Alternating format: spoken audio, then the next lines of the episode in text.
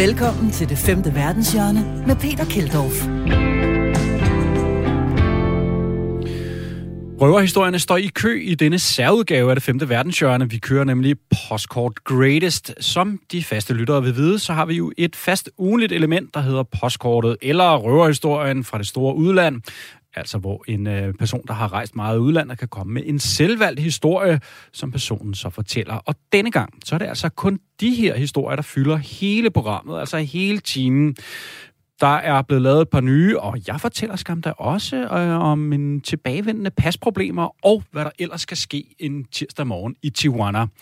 Og øh, vi skal også ind forbi en rimelig vild fortælling om løver. Så kiggede jeg først til højre, og der kunne jeg se Bolet side, og jeg kunne høre ungerne plaske nede i poolen. Da jeg kiggede til venstre til gengæld, så kunne jeg se silhuetten af en hundløve. Og jeg stod helt stille. Det eneste, man ikke må gøre, når der er rovdyr i nærheden, det er jo at løbe. Det eneste fornuftige, det er at bevæge sig langsomt, men sikkert væk fra ulykken. Væk fra ulykken, hvis det er altså en, en løve, der er ulykken. Vi skal også forbi en tryllekunstner, der rejser de vildeste steder hen. Hvorfor rejse ind i en diktaturstat, i en atommagt, et totalitærstyre? Fordi jeg er tryllekunstner og i 25 år rejst ud til nogle af klodens fjerneste afkroge. Ja, hvorfor ikke? Øh, som tryllekunstner, bare rejse ind i Nordkorea for eksempel, som vi skal høre om.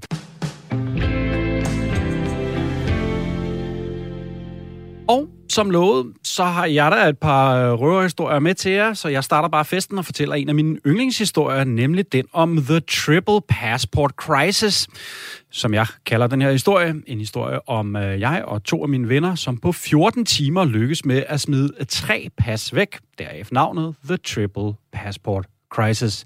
Men vi starter med nogle helt andre dokumenter. Jeg boede nemlig på det tidspunkt i USA, i New York City, og så skulle jeg ud til det, der svarer til borgerservice for at få lavet et Social Security Card. Det er sådan en slags øh, CPR-nummer, eller sygesikringskort er det. Øh, og samtidig så havde jeg mine gode venner fra Danmark på besøg, der rendte rundt i byen og shoppede og hyggede sig, mens jeg læste på uni og passede mine andre ting i den store by. Anyways, for at få Social Security Card, ja, så skal man have altså alle sine papirer med sig ud til den amerikanske svar på borgerservice, altså deriblandt også mit pas men altså også opholdstilladelser, papir for banken, papir for universitetet og så videre. USA er jo, hvis ikke man ved det, sygt byråkratisk, meget mere byråkratisk end Danmark, og super gammeldags med stempler og papir og hvad ved jeg. Så jeg tog min, øh, sådan en rygsæk øh, med mig, en taske fyldt med papirer, og i den her historie er vigtigt at nævne, mit pas var også med. Så kom jeg ud til det her amerikanske borgerservice, og det viser sig at være totalt fuldstændig fucked up. Uh, selvfølgelig er amerikansk offentlig service i et forholdsvis fattigt og i øvrigt også migrantpræget område, totalt langsomligt, og øh, altså service er nærmest ikke eksisterende. Der var kæmpe kø og et nummersystem med tre forskellige talsystemer, som var fuldstændig umuligt at holde styr på. Jeg kan huske, at jeg havde nummer, måske nummer 106 eller 100, et eller andet i hvert fald, og så lige pludselig, efter at jeg sidder der et godt stykke tid, så åbner døren, og sådan en amerikansk embedsmand, der bare ligner en person, person som er så træt af livet, øh, i sådan helt øh, grå i ansigtet og træt og desillusioneret. Han åbner døren ind til venteværelset, og så råber han bare, number one, nummer et. Der var så pænt lang tid til, det var min tur. Og det tog sindssygt meget længere tid end forventet, mange timer. Så, jeg, så det tog så lang tid, at jeg bliver forsinket til den her middag, jeg skal til om aftenen med mine venner. Så i stedet for at tage hjem med tasken med de vigtige papirer og passe i, så tager jeg det da bare med på restaurant. Da jeg så kommer ud til Brooklyn, så viser det sig selvfølgelig, at de er øh, jo meget søde kvinder, som var med, øh, men ikke helt færdige med at shoppe. Øh, ja, så jeg kunne have sagtens have været noget hjem med tasken, øh, inden vi skulle mødes. Men så min øh, mandlige ven og jeg, vi var lidt små irriteret på pigerne, så tænkte vi, hvad er det eneste at gøre? Det er da bare at begynde at drikke. Og da de så ikke var dukket op efter en halv time efter vores bord, øh, øh, tiden, reservationen på restauranten, så besluttede vi bare at bestille en flaske champagne på pigernes regning. Så kan I ligesom fornemme, hvor aften bare hen af fra start af. De meget søde piger kom, og vi hyggede os gevaldigt, øh, indtil vi skulle på bar, for der havde min gode ven Morten glemt sit pas, som han brugte som ID. Og ja, hvis du er i tvivl, i USA, der skal man vise ID, når man skal på bar. også selvom man er en grandvoksen mand. Så det mobbede vi ham helt vildt med. Du har været her en uge. Det er den sidste aften. Det var nemlig afskedsmiddagen. Åh, oh, så har du ikke taget dit pas med, som du bruger som ID i byen. Hvor stor en amatør er det lige, du er? Ham kørte vi helt fuldstændig ned under gulvbrædderne øh, og mobbede ham, og så blev han selvfølgelig nødt til at tage 45 minutter tilbage til deres Airbnb-lejlighed og finde sit pas, så han kunne komme tilbage til os og fortsætte den rimelig våde aften, som jeg i øvrigt husker øh, som helt fantastisk. Der var blandt andet noget med en heavy metal bar, men så kan jeg faktisk ikke rigtig huske så meget mere af den aften. Jeg vågner op dagen efter. Mine venner de skal samme dag øh, hjem til Danmark, og jeg skal på vinterferie i Brasilien med stop fem dage i Miami på vejen. Så jeg pakker lidt og gør mig sådan lidt klar til at tage ud i lufthavnen og går lidt og leder efter min taske. Hmm, hvor er tasken nu? Den vigtige taske med passet og alle dokumenterne, som jo i princippet er sådan en slags form for bevis for, at jeg er øh, legit alien, fuldstændig tilladt og har styr på mine papirer her i USA. Tasken, den er sgu væk. Jeg kan ikke finde den. Og jeg kan, som jeg sagde, ikke helt huske, hvad der foregik øh, sidst på aftenen i går. Så jeg ringer op til Morten, altså ham, der mistede det første pas der, og sagde, jeg kan simpelthen ikke finde min taske, og mit, mit pas er i den. Så får jeg lynhurtigt, bum, en sviner tilbage, fordi jeg var så kæphøj og smart aften før, da han havde glemt øh, sit pas. Fair nok. Men han fortæller så, at vi endte på den samme bar, som ham og jeg ventede på resten af selskabet på. Kan I huske, at der, ham og jeg, vi var sådan lidt irriteret på nogle kvinder, der ikke var færdige med at shoppe. Der var vi på en bar, inden vi gik på restaurant. Men hvor var det lige den bar? Ja, det kunne Morten ikke helt huske, men altså, det var et sted i Williamsburg, i Brooklyn. Ja, jo, man kan godt huske, hvordan det så ud og sådan noget, men præcis hvor den lå, kunne jeg ikke huske. Tiden er gået, og øh, hvad det hedder, flyet, flyet, det går jo fra lufthavnen, så jeg bliver nødt til at smide noget tøj i en sportstaske, og så satse på, at jeg kan finde passet på vejen ud mod lufthavnen. Jeg tager en taxa ud i det her område, ud i Brooklyn, kører sådan lidt øh, på må og få, lidt op og ned af vejene, og lige pludselig, der er sgu den der bar, vi så Premier League fodbold på inden middagen. Stop, chauffør, råber jeg, øh, stopper taxaen ude foran. Øh, jeg går ind, og øh, der er selvfølgelig lukket, og altså, det er jo så sen formiddag, øh, og, og der er jo ikke nogen bar, der har åbnet. Men jeg kan ligesom se, der er sådan en rengøringsdame derinde, kan jeg se igennem, øh, hvad det hedder, de her... Øh, ja, altså øh, øh, vinduerne, døren ind til, til baren der. Og jeg banker på, og hun åbner, og så bryder hun bare ud i et kæmpe smil, da hun ser mig. I have something for you, siger hun med sådan en smørret smil på læben, og der er tasken med alle de vigtige papirer og passet i. Intet mangler. Alt er der. Jeg takker hende øh, helt vildt for hendes hjælp, men nu er tiden altså gået. Jeg kan ikke nå hjem, så jeg må bare ræse ud i lufthavnen og fange mit fly mod Miami, øh, og nåede altså ikke at sige farvel til mine venner, som skulle flyve fra en anden lufthavn. Hvis du har mistet overblikket, så var det altså nummer to pas, der var øh, forsvundet på det her tidspunkt.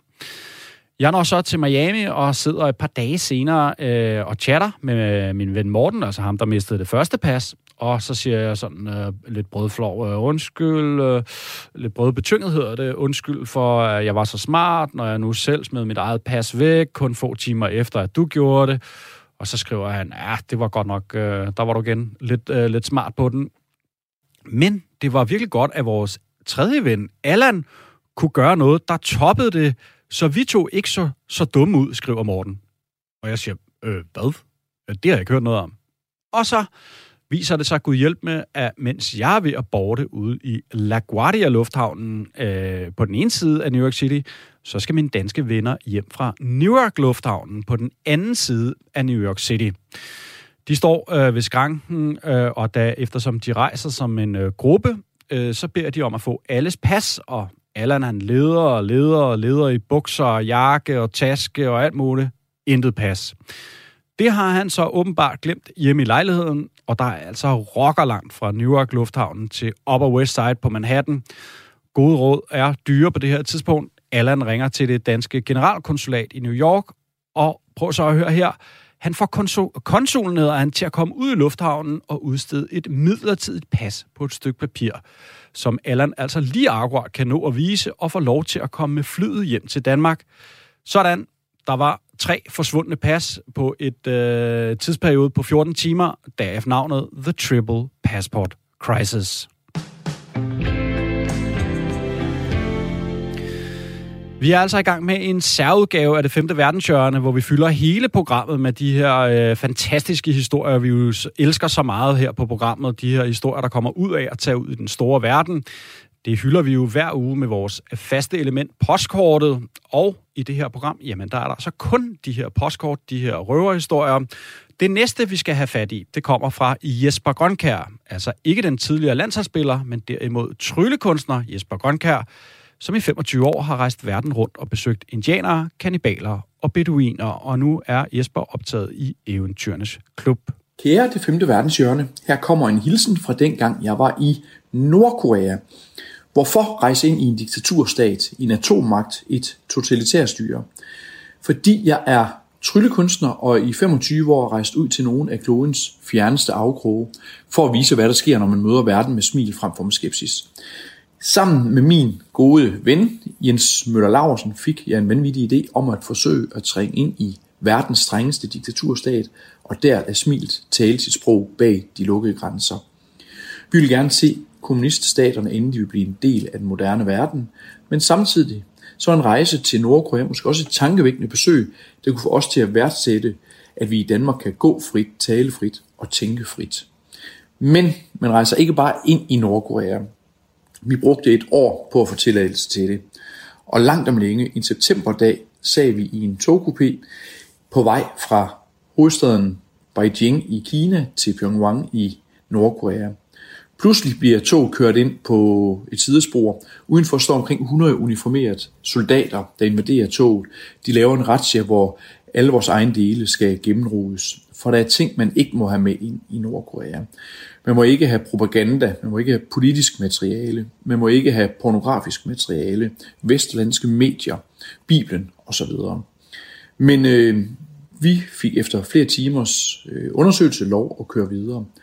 Og så er det jo til et særpræget syn, en transformation kan man sige, hvor vi har kørt fra hovedstaden Beijing, en metropol med millioner af mennesker. Der er biler over det hele, der er mennesker over det hele, der er øh, larm, der er stress, der er jag, der er lysreklamer. Jamen så kommer vi ud over landet i Nordkorea. Husene er pludselig små, skæve betonhuse. Der er ingen biler på vejene. Folk de går, i bedste fald cykler de. Folk er i tarveligt tøj, ligger og arbejder på alle fire ude på marken, kører i oksekære og med æselspand. Øh, små, krumrygge, hulkinde mennesker som produkt af mange års hungersnød. Vi vil fortsat komme videre til hovedstaden Pyongyang, hvor vi blev mandsopdækket af to vagter. I de uger ved Vejland måtte vi ikke gå selv, bestemme selv eller tænke selv. Passet blev taget fra os, og vi blev lukket ind om aftenen. Bevæbnede vagter de, øh, stod uden for døren. Vi måtte ikke tale med de lokale, vi måtte ikke fotografere dem, vi måtte ikke bestemme, hvad vi skulle se, hvornår vi skulle spise, hvordan vi skulle spise. Vi måtte ingen, intet ud over og kunne se alt det forhærlige landet og deres ledere fra Kim-dynastiet. Så hver morgen, meget, meget tidligt, blev vi vækket, sat i en bil med vores chauffør og de to vagter, og så kørte vi afsted 8, 10, 12, 14 timer. Og det vi fik at se, det var Kim, Kim, Kim, alle vejene. Kim Il-sung, der grundlagde Nordkorea, øh, blev født i 1912, og det var så der Nordkoreas tidsregning startede, så ret beset er de i år 109 i øjeblikket. Og Kim er repræsenteret overalt. Der er guldstatuer, omkring 40.000 statuer i landet. Han er på mosaikker, han er på plakater, han er på vimpler, han er overalt. Den normale nordkoreaner fejrer ikke fødselsdag. Den eneste, man fejrer, det er faktisk Kim. Og på hans dag, jamen så får man lidt gaver, lidt tøj og lidt mad. Øh, så på den måde så fremstår han jo næsten ligesom julemanden i et land, hvor der selvfølgelig heller ikke bliver holdt jul. Øh, stort set alle er styret af staten. Det er staten, der ejer kulminerne, virksomhederne, landbruget, og på den måde så er alle folk ansat af staten og modtager lønnen fra staten. Man gør det så smart, at man holder igen med hård valuta. Til gengæld så får befolkningen lidt goder, lidt tøj, et sted at bo. Ikke et prangende sted at bo, men dog et sted at bo. Og i det hus, eller den lejlighed, hvor der i øvrigt er indbygget højtaler i væggen, så staten hele døgnet rundt har mulighed for at spille øh, propagandamusik eller marsmusik eller komme af med politiske budskaber, der er det også lovpligtigt, at der på den ene endevæg skal hænge et indrammet billede af Kim Il-sung. Et billede, man får udleveret af staten sammen med en hvid støvklud, og det eneste, den klud må blive brugt til, det er til at tørre det her billede af for støv. Og jeg hørte faktisk ved en forelæsning, at der var en nordkoreansk mand, der på grund af massiv oversvømmelse for at redde livet måtte søge tilflugt på taget af sit hus. Og han når lige at få sin søn med en ene hånd og fotografiet af Kim Il-sung i den anden hånd. Men for at selv overleve, så må han slippe den ene ting, så han har en ledig hånd til at holde fast i, i hustaget.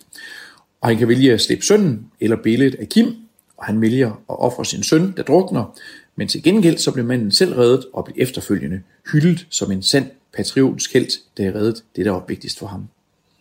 Den nuværende Kim, Kim Jong-un, var kun 29 år, da han tiltrådte, og var dermed verdens yngste statsleder, og måske også en af verdens farligste mænd. Ham skulle vi selvfølgelig også se. Han var også repræsenteret overalt. Når vi så kom til et museum, jamen så sagde der en guide derinde. Døren var lukket og låst. Vagterne skulle op og banke på. Øh, fordi der var så få turister, så var der ikke lys og ikke varme på derinde. Så inden generatoren blev startet, jamen, så stod man og ventede, og langsomt kom der lys på museet, og, og man stod der og frøs. Det var inde i byen, og der kan man jo sige, det er der de rige mennesker bor. Og de er jo ikke rige i dansk forstand, men i nordkoreansk forstand. Ude på landet, der bor så til gengæld de fattige. Men det vilde er, at de fattige på landet har ikke mulighed for at se rigdom i byen, og de rige i byen har ikke mulighed for at se fattigdommen på landet. I det, der er bevæbnede soldater, der står og laver vejsbæring.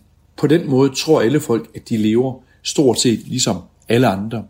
Og hvis man er i et land, hvad der er tilfældet her, hvor der ikke er internet, hvor der alle aviser de er censureret, der er kun ganske få tv-kanaler, det er regeringen, der bestemmer, hvad der må vises, og bøger, de er også censureret. Jamen, så har du ikke mulighed for at danne dig et indtryk af, af omverdenen. Jeg talte med en afhopper senere, som fortalte, at han havde gået i skole i 14 år, han har aldrig hørt om andet end Nordkorea, Nordkorea, Nordkorea. Og når man så samtidig, som vagterne også fortalte os, for at vide, at vi bor i verdens rigeste land, vi er verdens lykkeligste folk, andre landes befolkning, de er med sund jord, de ikke må komme herind, jamen så er det klart, så har man ikke andre muligheder end at tro på det.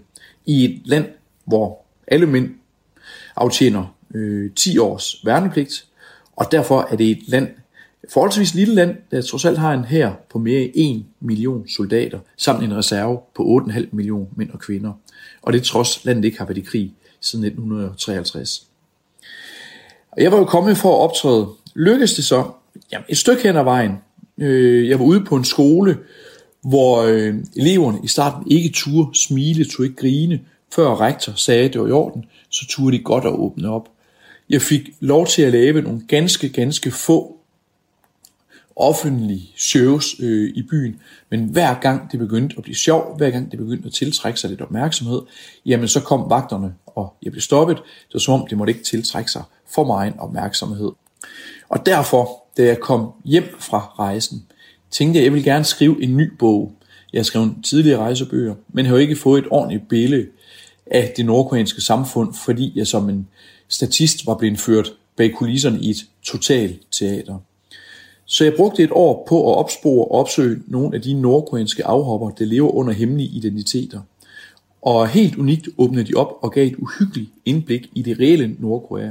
Alt det, som mine vagter de afskærmede mig fra at se. Og det er førstehåndsberetninger om deres livsfarlige flugt, om hungersnød, om tortur, menneskehandel, tvungen prostitution, arrangerede ægteskaber, mor med mere. En af mine kilder, han sagde fire år i et fangelejr. Han fortalte om, hvordan der var så mange mennesker inde i sovesalen i de her kæmpe fangelejre, hvor øh, der er op imod 70.000 fanger, hvilket den nordkoreanske regering nægter eksistensen af. Man var så mange om natten, at man ikke kunne ligge ned og sove, man måtte sidde og sove på skift op af hinanden. Folk de døde af udmattelse. Der kom rotterne, de var også sultne, de begyndte at spise af line, starte med øjnene, fordi det var det blødeste. Og deres spille er jo dermed et betydeligt andet end det, min vagter de fortalte mig. For igen og igen forlod det, du er kommet til verdens bedste land. Så på den måde så er humoren en distance, man tager sig til virkeligheden. Og når man står med sådan en nordkoreansk soldat, der har lært, siden hun er lille, hun må ikke vise empati, hun må ikke bruge medfølelse, hun må ikke bruge humor.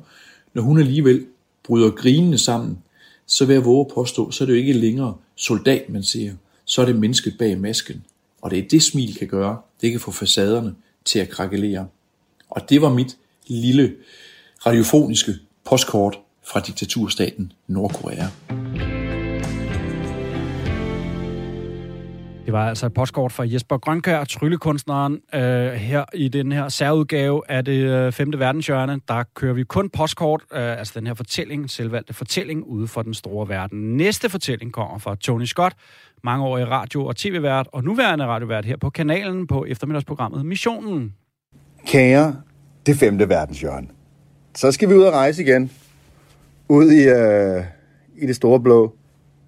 Øhm, og jamen, jeg har tænkt over, hvad, hvad jeg ligesom skulle øh, hive op af historieposen og rejseposen den her gang. Og, øh, og det er jo altid oplagt at være sådan lidt sexet og eksotisk og, og tage med til Minsk eller til Damaskus eller til Tokyo. Men, men jeg tror egentlig, jeg øh, vil øh, flyve en anden tur, en anden vej den her gang, og øh, tage med på en øh, lille chartertur, som, som jeg lige har været på her i øh, den forgangne efterårsferie.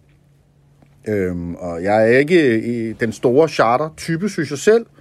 Øh, men med lidt sol og varme, tænker jeg, det kunne man godt klare, og især her oven på en lang coronaperiode, hvor at, at det jo ikke er blevet til sådan de der sådan bonusture sydpå, hvor man lige øh, får svømmet lidt i noget lunken vand og, og ligget lidt i en solstribe. Så, øh, så den var jeg med på, da familien bød ind med Tenerife. Øh, det er bare virkelig frygteligt, synes jeg, at det her med, at man skal have maske på når man flyver. Det er en klaustrofobisk oplevelse, og de var sådan lidt strikse, så det var altså fem timer i begge retninger med den der sådan svede fulde maske på, øh, på face. Øhm, og så er der jo det med charter. Øh, der er, klapper man, når man lander, øh, og det skal man også lige være med på, at, øh, at der kommer et lille bifald fra passagererne. Øhm, øh, de to første dage øh, på Tenerife var vi faktisk også booket ind på sådan et øh, all-inclusive-agtigt hotel, øh, hvor der jo er nogle helt øh, særlige koder øh, og systemer for, hvordan man gør ting. Altså, man får et armbånd på, til dem, der ikke har prøvet det. Det er der sikkert mange, der har. Jeg havde ikke lige haft en armbånd på før, og det indikerer, hvor meget man har ret til at gå i buffet. Øh, vi havde øh, morgenmad og aftensmad, armbåndet, øh, og det betyder jo så, at der øh, var fri leg i øh, buffeten både til morgen og aften. Og, og det gør jo, at man virkelig kan være kreativ. Altså, det kan være pizza med soft ice på. Man kan spise, øh, du ved, øh, donuts til morgenmad, eller, eller sådan øh, bacon, eggs and donuts, for eksempel, som øh, min datter synes var en helt vidunderlig øh, kombination. Men jo, inden man overhovedet når ned til morgenmaden, så er der en anden ting, der er vigtig, når man er i den der situation. Og der er lige at sikre sig en drømmeseng ude ved poolen. Så der skal man lige, en, lige et kvarter op før naboerne, og lige ned ved poolen og få smidt sit håndklæde på et, et par drømmesenge, som står sammen, så man har mulighed for både at være tæt på pool, øh, kunne ligge ned under en parasol, for det er frygtelig varmt jo, øh, og så man lige har muligheden for, for at dippe sig en gang imellem, når, når det hele bliver for meget. Og så har man jo også første parket til de oplevelser, der er omkring sådan en pool, og det kan jo i hvert fald i de tilfælde her være øh, vand aerobics. Øh, den første dag var det øh, en form for dans under vand med en instruktør, og dagen efter var det noget, hvor de slæbte nogle cykler ned i poolen, og så cyklede de, der øh, spinning hedder det vel, spændt derudaf på dem. Øh, og så er der ved poolen også øh, det særlige, at der øh, op ad dagen begynder at blive spillet musik ud af nogle højtalere. Jeg forstår ikke helt hvorfor, men det hører så åbenbart til. Øh, og, og der er sikkert mange, der kunne lave en god playliste til sådan en anledning, men, men i det her tilfælde, så er det altså coverversioner af kendte sange. Det vil sige, øh, det kunne være Hey Jude med Beatles, udsat for øh, en cover, et øh, Elton John-nummer udsat for cover. Altså sange, man kender, men i, i rimelig sådan, hvad jeg vil sige, ja, semi-skindøde, øh, ufarlige coverversioner. Lige præcis på nær øh, coverversionen af Queen-nummeret Who Wants to Live Forever, som øh, nogen måske husker fra øh, Highlander-filmen, hvor at der i den her udgave, som vi så hørte en fire gange i løbet af de to dage ved poolen, er en, øh, det er en kvindelig øh, sangerinde, som giver sit bud på, hvordan den skal lyde. Og det, jeg vil godt give sådan lige bare et lille vindue ind i, hvordan det øh, blev oplevet. Det lød nogen sådan her. det starter meget sådan, who wants to live forever, du ved, derudad. Og så, men så tager hun den altså til, who wants to live? Altså, virkelig på max. Og det forstod jeg ikke helt nødvendigheden af, overhovedet at have øh, musik ved en pool, når man nu egentlig var der for at slappe af. Men øh, hvad ved jeg? Øh, hjem igen med mig øh, fra øh, en uge på Tenerife. Øh, både så også nogle andre steder end lige i sådan all-inclusive øh, charterferiens hjerte. Øh, men dem må I få en anden gang. Og jo, vi klappede også, da vi landede i øh, Kastrup. Øh, det hører sig til, når man har haft en god ferie. Velkommen til det femte verdenshjørne med Peter Keldorf. Velkommen til den her særudgave af det femte verdenshjørne, hvor vi kun kører de her postkort, vores øh, ellers faste ugenlige element, hvor vi får den her selvvalgte fortælling ude for verden. Det er altså det, som programmet det går ud på i den her øh, uge. Og øh, næste postkort kommer fra fotograf og safari-leder Henrik Ede Lassen, som også er medlem af Eventyrenes Klub. Kære femte verdenshjørne.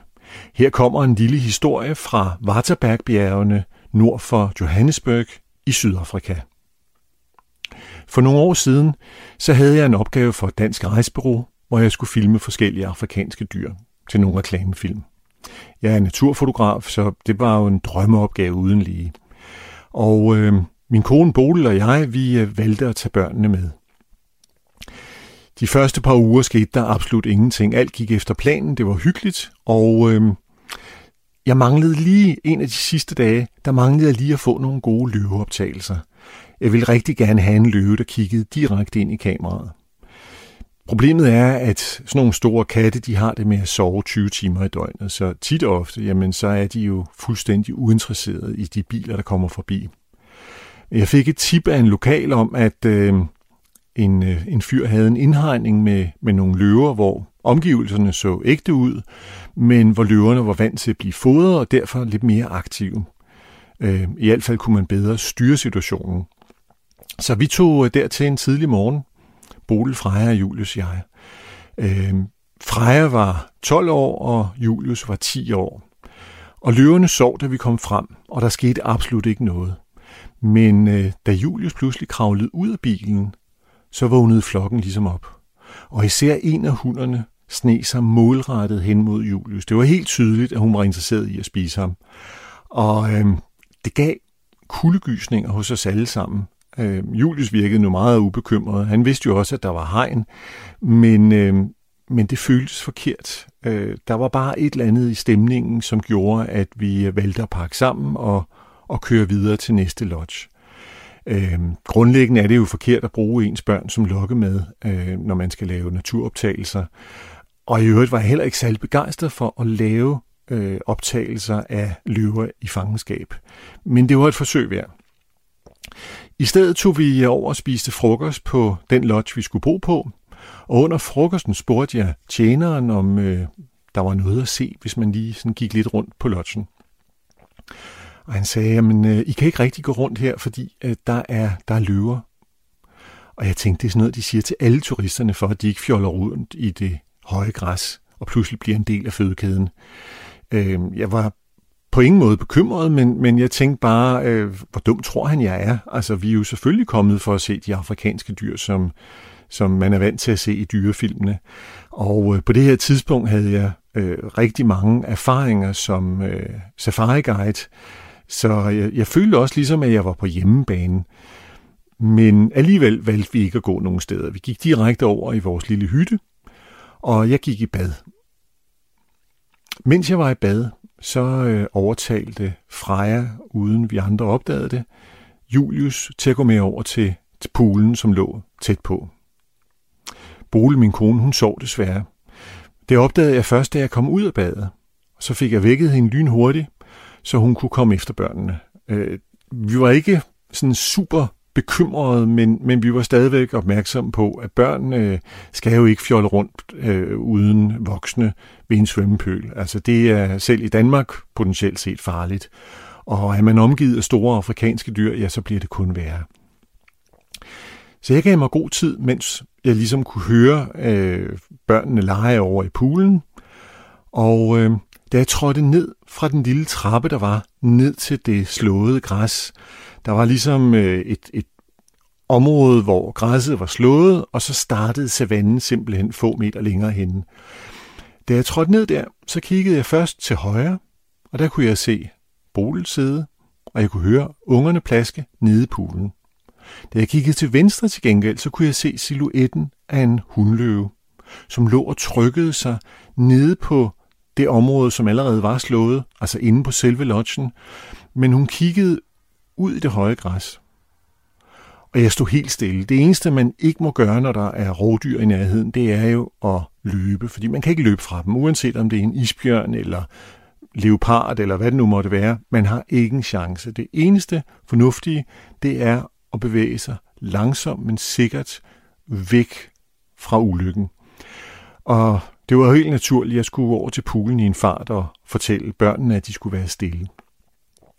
Mens jeg gik langsomt mod poolen, og det føltes som om, der var virkelig langt, selvom der formodentlig kun har været 30 meter eller sådan en stil der. Øhm, og samme afstand sikkert til løven. Så opdagede jeg, at der var flere løver ude i det høje græs. Der var faktisk en hel flok. Da jeg nåede frem til poolen, sagde jeg lynhurtigt til Freja og Julius, at de skulle blive nede i vandet, og de måtte ikke sige noget. Og Bol, hun styrtede op til receptionen for at få en, øh, en ranger med, med våben, som kunne komme ned og hjælpe os. Samtidig så samlede jeg alt, hvad der var af metal, øh, stole og borer, som jeg kunne bruge til at forsvare mig med. Øh, jeg var temmelig oprevet, det skal ikke være nogen hemmelighed. Øh, det her, det var potentielt set virkelig, virkelig alvorligt. Og kort efter kom Bol tilbage og fortalte, at øh, receptionisten ikke troede på hende. Vi var de eneste gæster på lodgen, og alle rangerne var til frokost et helt andet sted. Så øh, vi stod lidt og, og ligesom øh, overvejede, hvad vi nu skulle gøre, fordi hvis vi bevægede os over på vores værelse og dermed i sikkerhed, så ville vi komme tættere på løveflokken. Og samtidig kunne vi se, alle løverne havde i virkeligheden ryggen til os. De havde fokus på noget helt andet, nemlig en vandbuk, som lå nede ved et vandhul, og ikke havde set dem endnu. Så det var formodentlig det, de var interesseret i, og ikke os. Men skulle de nu pludselig vælge at fokusere på os, ja, så skulle vi jo have en eller anden plan, og, og, og hvad var det? Øhm, og min spontane tanke i den her situation, det var, at jamen, altså, så må jeg jo løbe, så må jeg tage et bord øh, og løbe mod dem, mens jeg råber som en vanvittig. Øhm, de fleste rovdyr bliver meget forskrækket, når øh, byttedyrene gør det, de ikke forventer. Øh, og med min store højde på to meter, så, øhm, så kunne jeg formodentlig se ret skræmmende ud, hvis jeg gik fuldstændig amok. Selvom jeg var ikke helt sikker. Øhm, men det var i hvert fald den eneste løsning lige her og nu. Freja og Julius lå i kanten og, og spurgte lige så stille, lå i kanten af poolen og spurgte lige så stille, om, øh, om, om vi stadigvæk kunne se løverne. Og det sagde vi, ja, det kan vi, og I skal være meget, meget stille stadigvæk. Og det, det var de så heldigvis. Øh, der, der var totalt styr på det her. Øh, de var gode til at lystre og ikke gå i panik. Og pludselig hørte vi, at øh, damen oppe i receptionen kom ned mod os, mens hun sagde et eller andet om, øh, hvor var det, I sagde, der var løver? Og så skreg hun bare, Lions! Og så løb hun tilbage igen på kontoret, så kunne vi høre, der blev låst. Så der var ikke rigtig nogen, der kunne hjælpe os. Og pludselig løb alle løverne væk fra os. Jeg ved ikke, hvor mange minutter, der havde gået på det her tidspunkt. Det føltes som om, at det var flere timer, men det var det jo formodentlig ikke. Øh, tværtimod, det har måske været fem minutter. Men i hvert fald satte hele flokken i løb væk fra os, og mens de bevægede sig væk fra os, så styrtede vi over sammen med ungerne til værelset i sikkerhed. Og øh, de næste halvanden time kunne vi så se løverne. De fik ikke byttet, men vi kunne se dem holde til dernede, og lidt senere bevægede de sig forbi poolen, der hvor vi lige havde været. Øh, det var bare en stor oplevelse. Øh, intet gik galt. Øh, timingen var heldigvis så god, at, at vi ikke mistede Freja og Julius. Vi var rystet i vores grundvold, det skal ikke være nogen hemmelighed, men, øh, men alt endte jo rigtig, rigtig godt. Og øh, da rangerne kom tilbage, jamen, så blev vi simpelthen mandsopdækket med en, øh, en, øh, en riffel eller to omkring os hele tiden. Øh, og vi fik vin om aftenen på husets regning. Der var klart nogen i ledelsen, som havde røde øer over det, der var sket. Og da vi så snakkede om, hvad hulen øh, og børnene havde syntes om alt det her. Det var jo vigtigt lige at vende det en gang til. Så kan vi den dag i dag, og det er 10 år siden nu, den dag i dag kan vi ikke rigtig huske, hvad Freja hun sagde. Øhm, det har formodentlig ikke gjort indtryk på hende, og når vi spørger hende nu, jamen hun kan ikke huske det. Hun kan huske, at vi har fortalt om det, men det var, det var ikke noget, der var vigtigt. Men øh, da vi spurgte Julius, så sagde han, at det han tænkte på, da han lå nede i vandet, det var, at hvis han overlevede det her, så ville det blive en god historie. Så øh, den titel, eller den måde at tænke på, den er jeg jo virkelig, virkelig stolt over, at han har den, øh, den måde at, at, at se verden på, fordi det kan man jo få meget ud af. Øh, men øh, det han sagde endte faktisk også med at blive titlen på min første bog. Hvis jeg overlever det her, bliver det en god historie. Ja, altså en vild historie her fra Henrik Gede Lassen, øh, fotograf og safari-leder, som også er medlem af Eventyrernes Klub. Og du er jo, øh, eller du lytter jo til sådan en særudgave af det femte verdenshjørne, hvor vi kun fortæller øh, de her postkort, som vi får tilsendt til os. Næste øh, levende billede, eller levende billeder, øh, de her fortællinger kommer fra tv-vært og skuespiller Pelle Venegård og hustruen Karoline Venegård, som øh, de to sammen laver i øvrigt også podcasten Børn i bagagen. Kære det femte verdenshjørne, her kommer en hilsen fra den gang vi var i øh, Guinea-Bissau. Og når jeg siger vi, så er det mig, Pelle Venegård og min kære hustru. Karoline Venegård. Ja. Og øh, lige nu der er vi faktisk på, øh, på Mallorca og sidder på et hotel, og vores øh, smukke, snart seksårige datter Ukona er i, i poolen. Øhm, men øh, vi, vi vil gerne fortælle om en, en oplevelse, kan man godt kalde det. Ja, det er måske tre et halvt år siden, vi var... Øh, er det ikke tre et halvt år siden, vi var i øh, Vestafrika for første gang? Jo, ej, jeg tror faktisk, det var to år siden. Det var i 19. Efteråret 19. Det var før, før corona. Det var forår. Nå, to og et halvt år siden. To et halvt år. Tiden går, klokken Tiden går. slår. Øhm, Men øh, der havde vi en rigtig, rigtig stor oplevelse. ja, jeg, I jeg, det vestafrikanske land, Guinea-Bissau. ja som, som, øh, som der nok ikke er så forfærdeligt mange, der kender. Måske er der nogen, der har hørt om Senegal, øh, som ligger derude, med Dakar som Vestafrikas vestligste punkt, deres hovedstad. Øh, men jeg er med i en organisation, der hedder Tostan, som laver udviklingsprogrammer, undervisningsprogrammer i landsbyer i Vestafrika. Det er en, en helt anden længere historie. Øh, men vi var nede for at besøge organisationen, og var i den forbindelse i, øh, i Guinea-Bissau, hvor vi var ude i, i en landsby, hvor der var 40 landsbyer, der mødtes. Ikke for vores skyld, men for deres egen, for at snakke om deres erfaringer. Ja, vi fik sådan set bare lov til at komme på besøg, og de havde den her store samling. Jeg tror, der var 120 deltagere. Var det ikke i den størrelsesorden? Jo, jeg tror faktisk måske, der var ja, et par hundrede eller sådan noget. Men, men det som... Øh, en af de, de ting, der var, var fantastisk, og som er forholdsvis grænseoverskridende, når man kommer som, øh, som total rytmeløs øh, dansker, Skandinav. skandinav øh, ud i, i de her landsbyer. Vi var i flere landsbyer. Det er, at man bliver simpelthen modtaget af hele landsbyen. Ja. Øhm, og så er der trommer, der bare brager der ud af, og alle danser, og alle Ja. smiler. Børn, voksne, ældre. Ja, øh, gederne, alle landsbyen danser. Ja. Og så er det bare, så er der kun én ting at gøre. Dans med. Ja. Øh, og, og hold da op, altså, jeg har ikke en, ikke gram rytme i kroppen. Øh, og har altid været enormt sådan blufærdig i forhold til dansegulvet, fordi jeg bare synes, jeg ligner en idiot. Det er bare her. Kaster ind i det og dans. Ja, man Øhm. bliver nødt til bare at overgive sig og sige, okay, Ja, giv, øh. giv hvad man har. give hvad man har, og man klarer jo det hele med et kæmpe smil på læben, og jeg tror bare, de synes, det er sjovt, at man prøver, og, måske også ikke kan følge rytmen og sådan noget. Ikke? Ja. Men Det er ligesom måden, man mødes på, og man starter med at danse sammen. Hvilken fantastisk måde at møde nye, nye mennesker på. Ikke? Tænk, hvis alle møder Startede med, at man lige dansede til ja, nogle trommer. så starter man lige sammen med, med at mødes til nogle trommer. Øhm, men, så det var fantastisk, men også den her lidt en følelse af at være fish out of water, som, som man jo også grundlæggende er, når man er lys i huden i Afrika. Altså, Ja, I hvert fald også i den del af Afrika, ikke? Jo, der er ikke, altså når man kommer lidt ud på landet, så der er også Men mange børn, også, der aldrig øh, har set, set, nærmest set hvide mennesker Jamen før. i Guinea-Bissau, der så vi jo en anden hvid turist. Ja. En. Ja. Altså der var, der, det er jo ikke som sådan et, øh, øh, et land med, med stor tradition for turisme. Det er tværtimod, ikke? Og Udenrigsministeriet frarådede også dengang øh, rejser der til. og sådan noget. Ja. Men, men, men Ja. det der var, altså, og det er jo så øh, den oplevelse, den synes jeg jo er enormt sund at få som, som menneske, fordi ellers så lever vi jo vesteuropæere i den, i den hvide privilegerede del af verden. Ja. Øh, men så prøve ligesom at stikke ud. Men det, der, hvor jeg egentlig synes er, øh, og det vi har snakket om, som, som måske var den, den, den vildeste oplevelse, var at se vores, vores kære datter, Ja. som er, øh, er født i Sydafrika. Der har vi adopteret hende fra. Hun er mørk, og øh, at se hende komme ud i den landsby, hvor hun jo bare lynhurtigt løb afsted med nogle af ungerne. Ja, hun var bare et barn.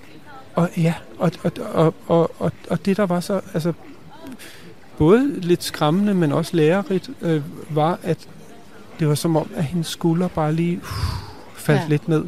Fordi hun var jo bare, ja som du siger, et barn, det lyder jo mærkeligt, selvfølgelig er hun det, men, men her, altså herhjemme, nu sidder vi så på Mallorca, men, men, men, men i, i Danmark, der, øhm, jeg snakker lige lidt lavt, fordi hun er det ved siden af. Om, I Danmark, der stikker hun jo, der stikker hun jo ud, og folk synes, ej, hvor er du yndig og sød, og skal hen og røre ved hendes hår, og Ja, hun bliver hele tiden mindet om, og hvor kommer du fra, sådan noget, om at hun hun er, er anderledes. Ikke? Ja. Og dernede, det var bare fjernet fuldstændig. der lignede hun jo bare alle de andre. Ja. Selvfølgelig kiggede nogle af de voksne sådan lidt, hvad sker der her? Hvorfor Ja. kommer der to hvide med et mørkt barn? Ja, Altså, der tror jeg, det var ligesom mærkeligt for dem. det var, ja, Øh, men, men, men for børnene og for hende, der var hun bare en del af dem. Og de voksne dernede, de var jo sådan set øh, ikke synderligt, øh, altså de var jo ikke øh, interesseret i at, hun var bare... røre ved hendes hår, og hun var jo bare, hun er jo ligesom alle de andre unger, der løb rundt i landsbyen, så de ænsede hende ikke et blik. Nej. Og det gjorde bare, at hun slappede sindssygt meget af. Ja, hvad er der skal?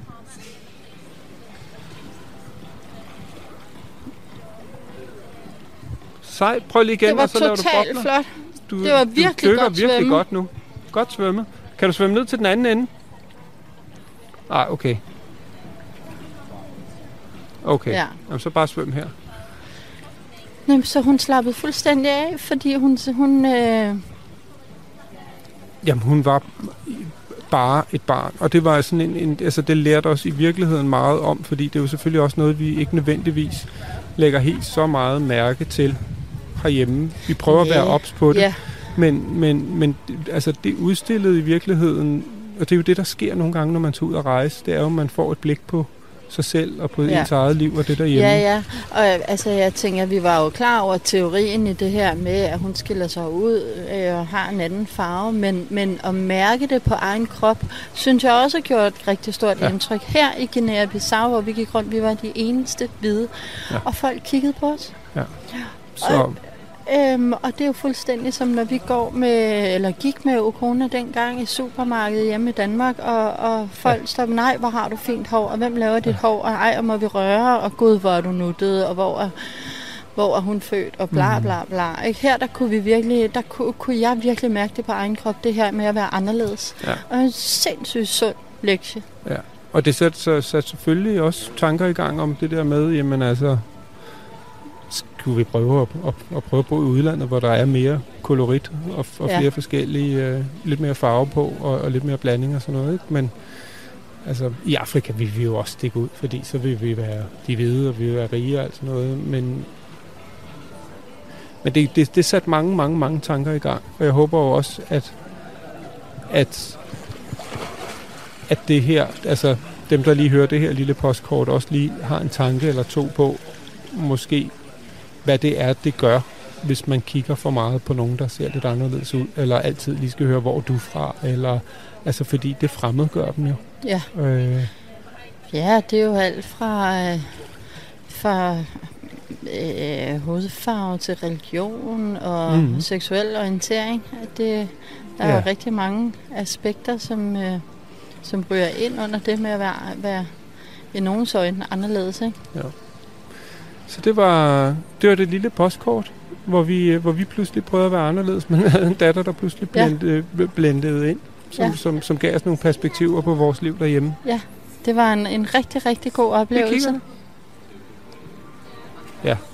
Nå, Og smukt vi- land i øvrigt. Ja, det er så en helt anden side. Det kan anbefales at tage derned. Ja. Øh, det kan godt være, de skriver, der er farligt, men altså, det skriver de jo om, om, om, om hele Ja. verden, hvor der Ja. er nogen, der kan sige bøge. Ja. Så Ja, men øh, god rejse, hvor ja, end den går til. ja, nu vil vi øh, hoppe i poolen med den lille. Ja.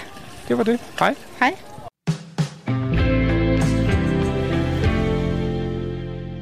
Det var altså Karoline og Pelle Venegård, der kom med den seneste udgave af det her postkort, som fylder hele programmet. Vi er altså i gang med en særudgave af det femte verdenshjørne, hvor vi kun fortæller de her øh, postkort, de her røverhistorier, som vi får tilsendt øh, hver uge, som kører øh, normalt i vores øh, sådan faste faste eller normale udsendelse. Og vi afslutter da festen her ved mixtapet af postkort øh, med endnu en historie fra min side. Som I hørte i starten, så har jeg sådan lidt øh, pasproblemer. Det har jeg faktisk øh, sådan forholdsvis tit. Det er lidt weird. For, øh, som om der er en brist hos mig, lige siden jeg smed mit pas væk på en busrejse som 12-årig. Så har der altså været problemer med det pas. Det har det ligesom med at forsvinde. Og den kommende sidste historie i den her særudgave af det femte verdenshjørne, den handler da også lidt i hvert fald om mine øh, pasproblemer. På det her tidspunkt, der boede jeg i Kalifornien, San Diego, tæt på den meksikanske grænse, og havde mine forældre på besøg fra Danmark. Og jeg ville så gerne tage dem med til Mexico, fordi det er jo sådan noget, man gør, når man bor i San Diego. Så tager man ned syd for grænsen og hygger sig lidt. Min far ville rigtig gerne, min stemmer var lidt mere skeptisk. Var det ikke lidt farligt? Nej, nej, nej, sagde jeg. Det er slet ikke farligt. Der sker ikke noget.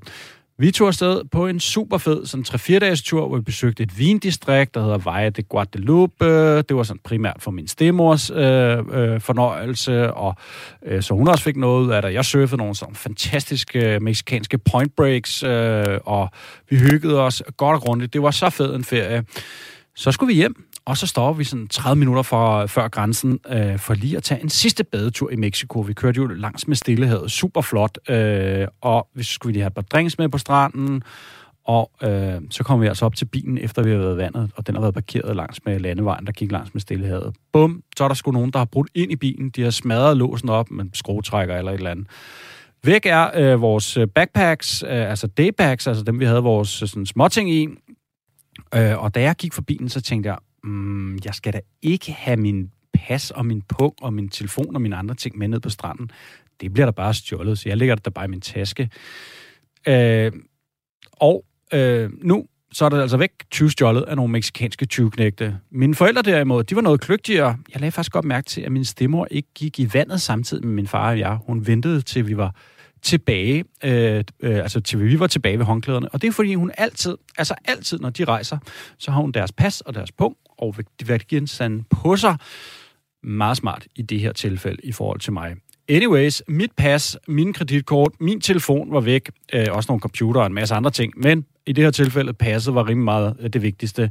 For man kan ikke komme ind igen i USA uden pas. Heller ikke, hvis man får lavet et midlertidigt pas. Det er amerikanerne totalt ligeglade med. Til at starte med, så må jeg så forsøge at få mine forældre over grænsen i min bil, øh, mens jeg så måtte blive på den anden side i grænsebyen Tijuana og forsøge at komme over. Hvis du aldrig nogensinde har hørt om Tijuana, så kan jeg bare sige, at det er et forholdsvis bad sted at øh, opholde sig.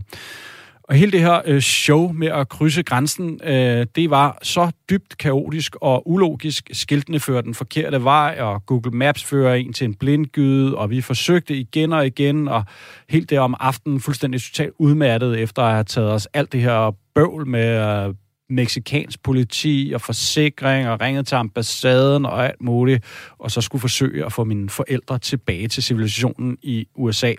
Til sidst, der måtte jeg simpelthen hyre en taxa, der kunne køre foran øh, min far, der kørte min bil, og så satte taxaen af mig lige ved grænsen, øh, og taxaen førte så mine forældre fuldstændig hen til det rigtige sted, og de kunne så øh, komme hjem til USA, og jeg ved, at de var rimelig, rimelig lettede for at slippe for Mexico på det tidspunkt. Anyways.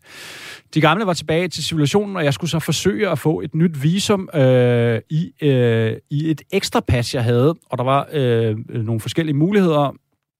Øh, jeg kunne tage til Mexico City. Øh, det ville tage tre uger at få et helt nyt pas. Jeg kunne flyve hjem, eller så kunne jeg blive og så få lavet et nyt visum på den, øh, det amerikanske konsulat i de her ekstra pas. Men det skulle altså øh, lige fragtes fra øh, Kalifornien til Mexico, før jeg kunne fatte det. er sådan øh, et ekstra erhvervspas, hedder det, sådan en rejsepas, man har, som altså ligger hjemme i Kalifornien på det her tidspunkt, sammen med 1000 dollars i kontanter, som jeg altid har liggende, øh, når jeg er ude steder. Ikke altid 1000 dollar, men jeg har altid nogle små penge. I det her tilfælde var det 1000 dollar, som jeg havde liggende til sådan nogle emergencies, hvis jeg nu skulle øh, flygte ud af USA eller et eller andet. Nu var det så omvendt. Øh, skulle jeg have hjælp øh, syd for grænsen. Øh, og jeg kontaktede så min ven, som jeg ikke nævner navnet på, øh, for at hente de her ting, mit ekstra pas øh, og nogle små ting. Øh, så han tog mit kameragrej, nogle hættetrøjer, mit pas og de her 1000 dollars, og gik over grænsen til Mexico. Øh, hvad han lige havde glemt, øh, var, at når man skal ind i Mexico, så skal man altså vise sit pas. Og jeg ved godt, det lyder mærkeligt, men normalt, når man er amerikaner, når man kører over grænsen, så er det nok øh, at vise sit ID, altså sit kørekort, når man kører fra Kalifornien ind til Mexico. Og lad mig bare sige det som er, min ven, han kører alle steder, han går ikke nogen steder hen. Men nu vil mexikanerne se pas, og han tænker, okay, jeg viser dig bare Peters pas. Og han er altså meget højere end mig, og ligner mig slet ikke. Anyways, ind kom han i Mexico på mit navn, øh, og så havde jeg så øh, det her pas, øh, og øh, kunne øh, gå op til det amerikanske konsulat. Der var bare lige det her problem, at det var Thanksgiving weekend, og der var 10.000 migranter i byen, som havde gået op igennem Mexico mm, på sådan en bestemt migrantkaravane, som havde skabt masser af postyr, så der var lidt ventetid på det amerikanske konsulat.